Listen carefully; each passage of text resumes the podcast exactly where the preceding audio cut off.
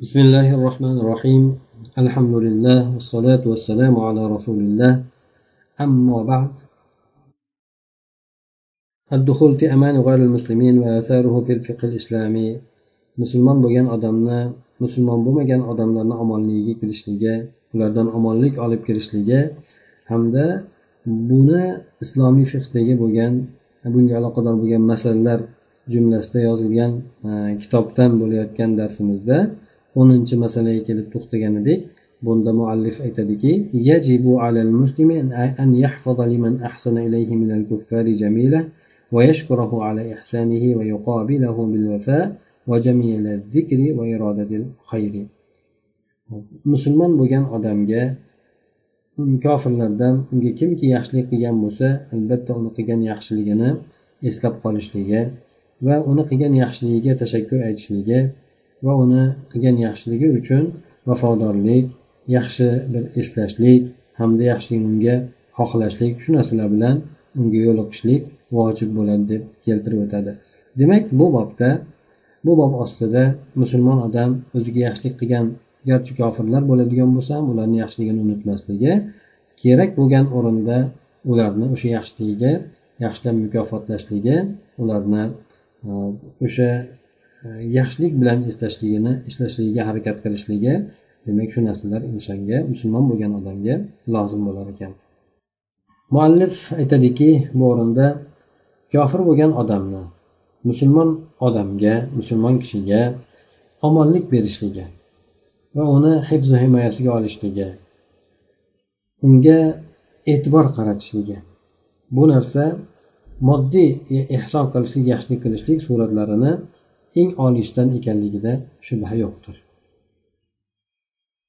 Kofir bo'lgan odam mana shu ishlarni qilishligi bilan ya'ni musulmon odamni o'zini himoyasiga olishligi unga e'tibor qilishligi parvo qilishligi uni himoya qilishligi mana shu narsalari bilan bu musulmon bo'lgan o'sha musulmon bo'lgan odam tomonidan rahmat aytishlikka minnatdorchilik bildirishlikka haqli bo'ladi. Darhaqiqat mana rasululloh sollallohu alayhi vasallam aytganlar la yashkurulloha man la yashkurunnas kimki odamlarga shukur aytishlikka o'rganmagan bo'lsa bu odam alloh taologa ham shukur aytmaydi. Mana bu o'rinda payg'ambar sallallohu alayhi vasallam shukur aytishlikni odamlarga mutlaq qildi. Bu yerda iymon sifati bilan buni qaydlab shuni belgilab qo'ygani yo'q balki mutlaq suratda insonlarga tashakkur aytolmaydigan rahmat aytmaydigan odam allohni ham qiladigan ishlariga yaxshilik yaxshiliklariga rahmat aytolmaydi tashakkur qilolmaydi deb shukur keltirolmaydi deb aytib o'tdilar mana shu bilan payg'ambar sollallohu alayhi vasallam har qanday insonga nisbatan qilingan yaxshilikka mukofotlashligini tenglab qo'yishlikka buyurdilar aytdilarki man فإن لم تجدوا ما تكافئونه فادعوا له حتى تروا أنكم قد كافأتموه agar sizlarga kimki biron bir yaxshilik qiladigan bo'lsa uni tenglab qo'yinglar. Sizlar ham ularni ularga o'sha yaxshiliklarni qilib qo'yinglar.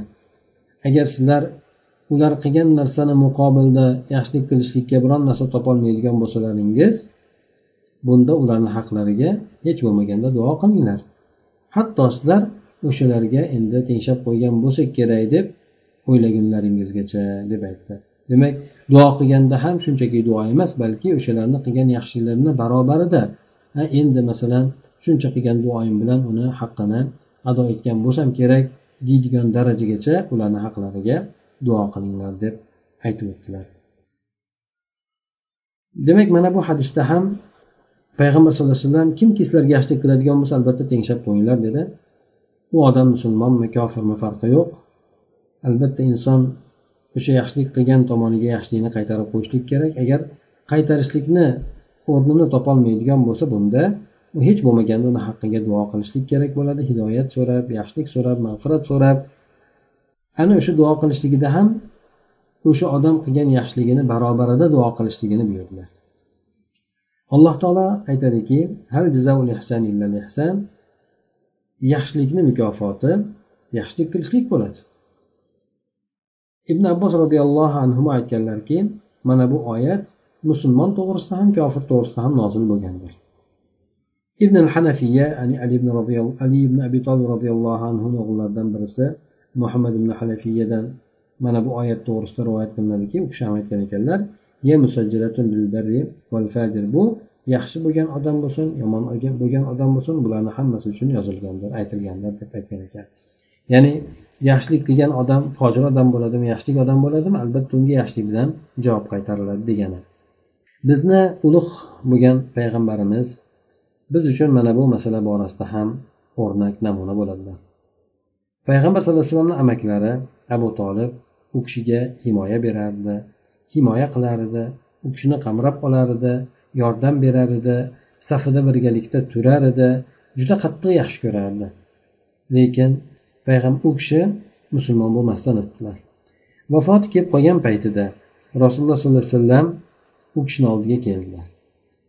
Rasululloh sollallohu alayhi vasallamni o'sha amakisi oxiratda zafar topuvchilardan bo'lishligi uchun iymon keltirib qo'yishligiga bo'lgan harisligi payg'ambar alayhissalomni mana shu narsaga undar edi u kishini hattoki jon taslim qilayotgan paytida ham kelib turib islomni ko'ndalang qilishligiga u kishini undagan edi.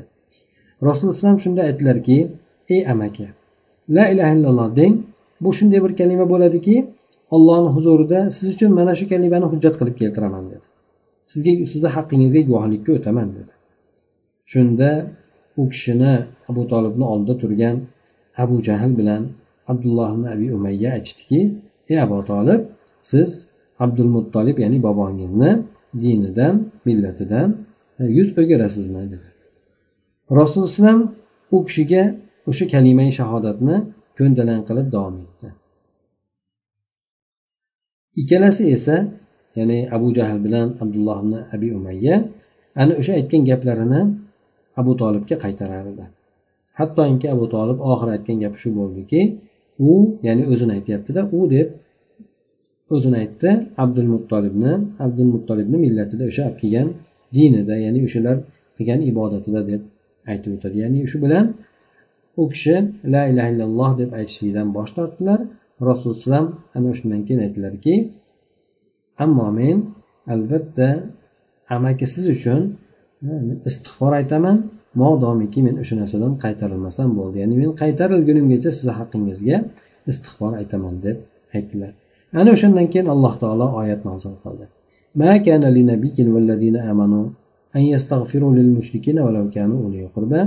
Payg'ambar sallallohu alayhi vasallam uchun ham shu bilan birga iymon keltirgan kimsalar uchun ham mushrik bo'lgan odamlarga garchi u mushuklar ularni yaqin qarindoshlari bo'lgan taqdirida ham istig'for aytishliklari uni haqlariga duo qilishliklari mumkin emasdi deb oyat nozil qildi. Abu tolib borasida esa alloh taolo mana bu oyatni nozil qildiki bu payg'ambar sallallohu alayhi vasallamga bu narsa bilan bir e, hikmat o'rnida hujjat o'rnida keltirib o'tdiki siz o'zingiz yaxshi ko'radigan odamlarni hidoyat qila olmaysiz lekin alloh taolo o'zi xohlagan kimsalarni hidoyat qiladi dedi. Ya'ni payg'ambar sallallohu alayhi vasallamni imkoniyatida bu odamlarga yo'l ko'rsatishlik boru lekin tavfiq hidoyati yo'q ekanligiga alloh taolo ishora qildi. Balki tavfiq hidoyati esa alloh taoloni o'ziga xos ekanligini mana bu oyat kalima orqali bayon qildi. Demak hidoyat ikki xil bo'ladi. Birisi hidoyat irshod ikkinchisi hidoyati tavfiq. Hidoyati irshod bu payg'ambar sallallohu alayhi vasallamga hamda u kishiga ergashgan hamda allohni dinini diniga odamlarni chaqirayotgan odamlar uchun bo'laveradi. Ya'ni ular to'g'ri yo'lga odamlarni yo'llab qo'yishadi. Lekin hidoyat tavfiq esa odamlarni o'sha yo'lga muvaffaq qilib qo'yishlik o'sha yo'lga ularni haqiqatdan kirgizib ularni o'sha yo'lni ustida qilib qo'yishlik bu alloh taologa o'ziga xosdir. Bu hattoki alloh taolo bu narsani payg'ambari sallallohu alayhi vasallamga ham bermaganligini mana bu oyat kalimada bayon qildi.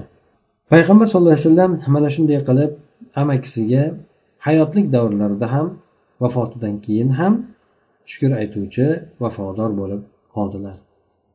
Abu abu tolibni kufrda o'lishligi u kishini qilgan yaxshiliklarini unutishlikka yaxshilik qilgan yaxshiliklarini inkor etishlikka nonko'rlik qilishlikka payg'ambar sallallohu alayhi vasallamni undab qo'ymadi. Balki payg'ambar sallallohu alayhi vasallam alloh taologa u kishi borasida shafoat qilishlikka yolinib yolbordilar. Shunday bir shafoat bo'ladiki bu payg'ambar sallallohu alayhi vasallam uchun abu tolibni o'ziga xos bo'lgan shafoat bo'ladi. Bu ham bo'lsa jahannamdagi azobini yengillatishlikdir. Bu to'g'risida abbos ibn abdul muttolib rivoyat qilgan hadisda keladiki u kishi payg'ambar sallallohu alayhi vasallamga aytdilar siz amakingizdan nima narsani behojat qildingiz? Amakingizga nima yordamingiz keldi qo'lingizdan e, qo'lingizdan keldi nima yordam qilolmadingiz deb so'raganda ehm, yana u kishi aytdilarki abu e, abbos aytdilarki roziyallohu anhu u kishi sizni himoya qilardi siz uchun g'azab qilar edi. Nima qo'lingizdan keldi? U kishiga qanday yaxshilik qilolmadingiz deb aytganida payg'ambar sallallohu alayhi vasallam aytdilarki u kishi do'zaxni hozir bir chetida bo'lib turibdi. Agar men bo'lmaganimda u kishi do'zaxni eng tubi tabaqalarida quyi darajalarda bo'lgan bo'lar edi deb aytib o'tadi. Demak e, boshqa bir rivoyatda keladiki abu tolibni do'zaxdagi bo'ladigan azobi eng yengil azoblardan hisoblanadida bu oyog'ini to'pig'igacha o'tda turibdi o'sha to'pig'inigacha bo'lgan o'tni issiqligidan qiziganligidan miyasi qaynab turadi. Bu do'zaxga tushadigan do'zaxda qoladigan odamlarni eng yengil azobi deb payg'ambar alayhi vasallamdan shu borada xabar kelgan. Mana shu abu tolib to'g'risida aytilgandir alloh taolo do'zaxda qolishlik yoki do'zaxda tushib qolishlikdan o'zi saqlasin chunki do'zaxdagi azob yengili shuncha bo'ladigan bo'lsa oxiri alloh taolo o'zi saqlasin. Abu tolib vafot etgandan keyin payg'ambar sallallohu alayhi vasallam makkada o'zini himoyachisini yordamchisini yo'qotib qo'ydilar. Toifga chiqdilar. U yerda toif ahli payg'ambar sallallohu alayhi vasallamni yolg'onchi deb ozor berishlik bilan kutib olishdi. U zot toifdan ham qaytdi. Ish juda ham u kishiga qattiqlashib ketgandi. Juda boshi og'rib qolgan edi. Balo musibat qattiqlashib buyuklashib ketgan edi. Shu bilan u kishi makkaga kirishlikka ham imkoni bo'lmay qoldi. Sababi abu tolibni vafot etgandan keyin makka ahlini payg'ambar alayhissalomga ozor berishlikka judayam kirishib ketganligi chuqur ketib qolganligi bo'ldi. Shunda payg'ambar sallallohu alayhi vasallam mutim ibn adiyga himoya qilib kiritishligi uchun himoyasiga olishligi uchun odam yubordi. Ibn hishom o'zini siyratlarida aytib o'tadilarki rasululloh sollallohu alayhi vasallam toif ahlidan qaytib kelgan paytida hamda toifliklar. Payg'ambar sallallohu alayhi vasallam ularni chaqirgan payg'ambar ekanligini tasdiqlashlik u kishiga yordam berishlik mana shu narsalarni qabul etishmagach payg'ambar sallallohu alayhi vasallam hiro g'ori tomoniga qarab yo'l oldi. Ana o'sha joyda ahnasimni shariqga degan odamga himoya olib payg'ambar alayhisalomni o'zini himoyasiga olishlik uchun odam yubordi. U javob qildiki men ittifoqchiman ittifoqchi esa himoya berolmaydi dedi. Shunda boshqa bir odamga suhayl ibn amirga payg'ambar sallallohu alayhi vasallam himoya so'rab odam jo'natdi. Shunda u odam ham aytdiki bani omir qabilasi bani kab qabilasiga qarshi himoya berolmaydi dedi. Payg'ambar sallallohu alayhi vasallam uchinchi bir kimsaga mutim ibn adiga odam yubordi. Bu kishi payg'ambar alayhisalomni qilgan chaqirig'iga xo'p deb qabul qildi. Hamda o'sha ibn adi o'z ahli oilasi bilan bola chaqalari farzandlari bilan qavmi qarindoshlari bilan birgalikda qurollarini taqishdi. Chiqib masjidni masjidga ya'ni kabaga baytullohga kelishdi. Ana o'shandan keyin payg'ambar sallallohu alayhi vasallamga odam yubordiki makkaga kiravering deb odam yubordi. Rasululloh sollallohu alayhi vasallam makkaga kirdilar baytullohni tavof qildilar. U baytullohni oldida namoz o'qidilar. So'ng uylariga burilib ketdilar. Yillar o'tdi. Rasululloh sollallohu alayhi vasallam madinaga muhojir bo'lib chiqdi. Mutim adi esa mushrik bo'lgan holatda vafot etib ketdi. Rasululloh sollallohu alayhi vasallamni shoiri hasson ibn sobit roziyallohu anhu bu kishiga ushbu marsiyasini o'qidi. Marsiya ya'ni bir odamni vafotiga atab yozilgan she'r bo'ladi. U kishini avlodma avlod avlodlar asrma asr eslab qolishligi uchun juda bir ajoyib tutgan o'rinlarini she'r qilib yozib marsiya qildi. O'shalarni jumlasidan ba'zi baytlarni aytib o'tgan edi. Ya'ni mutimni adini ikkita yaxshi qilgan ishi bor edi. Bularni birinchisi makka mushriklari da'vatni avvalgi yillarida payg'ambar sallallohu alayhi vasallam orqaga chekinmasdan da'vatida orqaga qaytmasdan qilib da'vat qilib odamlarni chaqirib yurgan paytida mushriklar har xil uslublarni qo'llab ko'rishadi payg'ambar alayhisalomni qaytarishlik uchun. Lekin u kishi mahkam turgan paytida oxiri borib turib payg'ambar alayhissalomni qabilasidan qavmidan to'liq suratda uzr kesil qilishlikka qaror qilishadi. Ya'ni ularni qamal qilishadi. Qamal to'g'risida qaror yozib turishib uni kabani devoriga osib qo'yishadi. Ana o'sha bilan o'sha makkadagi bo'lgan qabilalar birontasi bani hoshim qabilasi bilan birgalikda aloqa qilmaydi. Bani muttolib bilan bani hoshim ikkala qabilasiga aloqa qilishmaydi. Savdo sotiq ishlarini qilishmaydi. Ulardan qiz olib berishmaydi. Mana shunday qilib ularni qamal qilishadi. Bu zulmona bo'lgan kelishuv uch yil davom etadi. Bunda musulmonlar ularga ergashib turib ularni mushrik bo'lgan qavmlari qarindoshlari ham juda qattiq aziyatlar chekishadi. Shunda oxiri kelib turib o'sha mushriklarni ba'zi bir insofli bo'lganlari yozilgan o'sha sahifani yirtishlikka qaror qilishadi. Ana o'shalardan birisi mutimni adiy bo'ladi.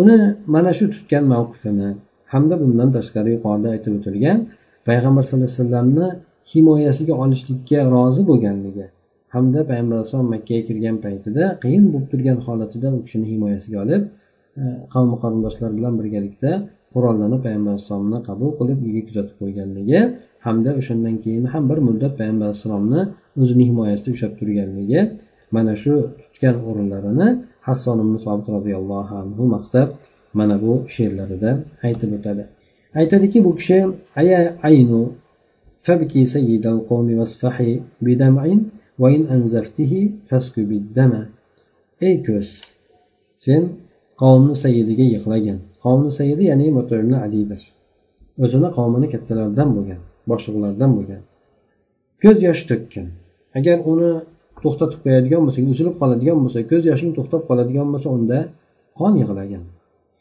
وبكي عظيم المشعرين كليهما على الناس معروفا له ما تكلما ya'ni ikkita mashar ikkita holatni katta buyuk bo'lgan odami odamini ham e, odamlarini ham yig'latgin bakki degan ya'ni ularni ham ular ular mashar mashar degani bu she'rni ba'zilar har xil ma'nolarda aytishgan ekan ya'ni o'sha buyuk bo'lgan mashar o'rinlarini yig'latgan o'sha odamlarni yig'latgan odamlarni ustida bu odamni ya'ni mutimni adiyni yaxshiligi bo'lgan lekin ular odamlar bu yaxshilik to'g'risida yoki o'sha mashar gapirib o'tmadi gapirmadi shunga odamlarni yig'latib uni eslatgan degan mazmunda aytgan ekan فلو كان مجد يخلد الدهر واحدا من الناس أبقى مجده اليوم مطعما agar bironta bir ulug'lik hurmat obro' martaba bir abadul abad qoladigan bo'lsa bu odamlardan birontasini abadiy abadul abad qoldiradigan bo'lsa bu ham bo'lsa bugungi kunda o'sha ulug'lik o'sha mutimni adiyni qoldirgan. Ya'ni mutimni adiy ulug' bo'lib qoldi. Uni ulug'ligi bugungi kunda ham vafotidan keyin ham qoldi deb bu kishi aytgan ekan.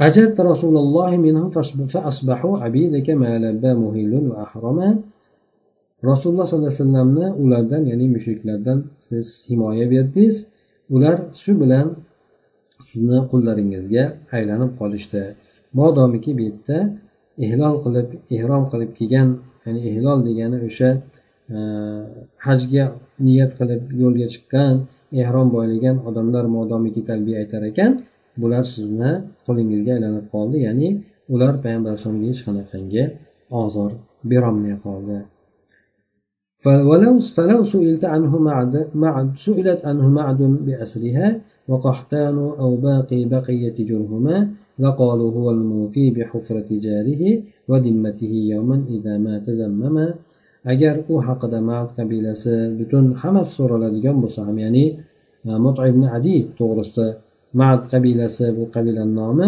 Bi asliha butun hamma yo'g'i bilan so'raladigan bo'lsa qahton qabilasi ham yoki jurhumni qolgan qutganlari ham o'sha mutaimni adi haqida so'raladigan bo'lsa aytishadiki bu o'sha himoyasini e, va'dasiga vafo qiluvchi ya'ni birovni himoyasiga himoyamga olaman deb va'da qilgan bo'lsa albatta o'sha va'dasiga vafo qiluvchi o'zini zimmasiga ham o'sha zimmasiga olgan narsasiga ham vafo qiluvchi har kuni o'sha qilgan kunida vafo qiluvchi agar u o'zini zimmasiga oladigan bo'lsa nimani oladigan bo'lsa o'sha zimmasiga vafo qiluvchi deb aytishadi deydi فما تطلع الشمس المنيرة فوقهم على مثله فيهم أعز وأعظم quyosh yorug' yorqin bo'lgan quyosh ularni ustida shu mutimni adini mislicha ularni ichida hech bir ularni tepasidan quyosh nur sochmagan ularni orasida eng aziz bo'lgan eng buyuk bo'lgan odamga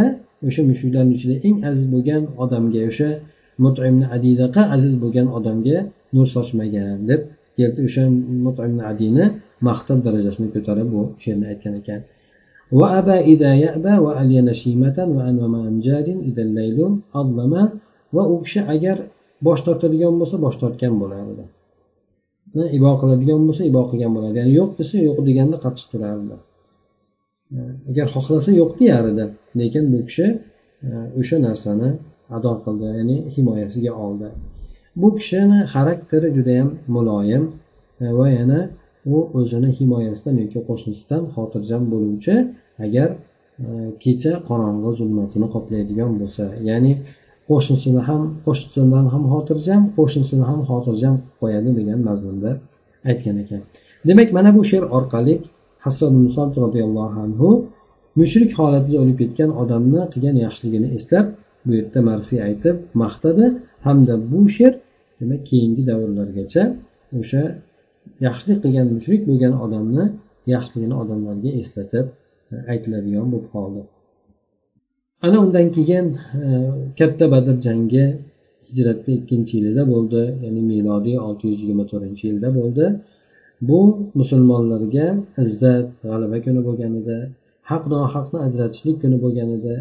Chunonchi bu o'rinda alloh taolo o'zini mo'minlardan bo'lgan e, do'stlarini kofirlarni kattalariga ularni dog'utlariga ega qilib qo'ydi. Ulardan o'ldirilgani o'ldirildi. Ulardan asr olingani asr olindi mushuklarni kattalaridan. Ular keyin payg'ambar sallallohu alayhi vasallamni huzuriga hammasini olib kelindi. Payg'ambar sallallohu alayhi vasallam ularga bir nazar tashladi. Ya'ni asr olib kelingan mushuklarga bir nazar tashladi. Hamda ularni makkada bu da'vat borasida hamda payg'ambar sallallohu alayhi vasallam o'zlari sahobalarni haqisida qilgan jinoyatlarini payg'ambar alayhisalom ko'nglidan o'tkazdi. Ana o'shanda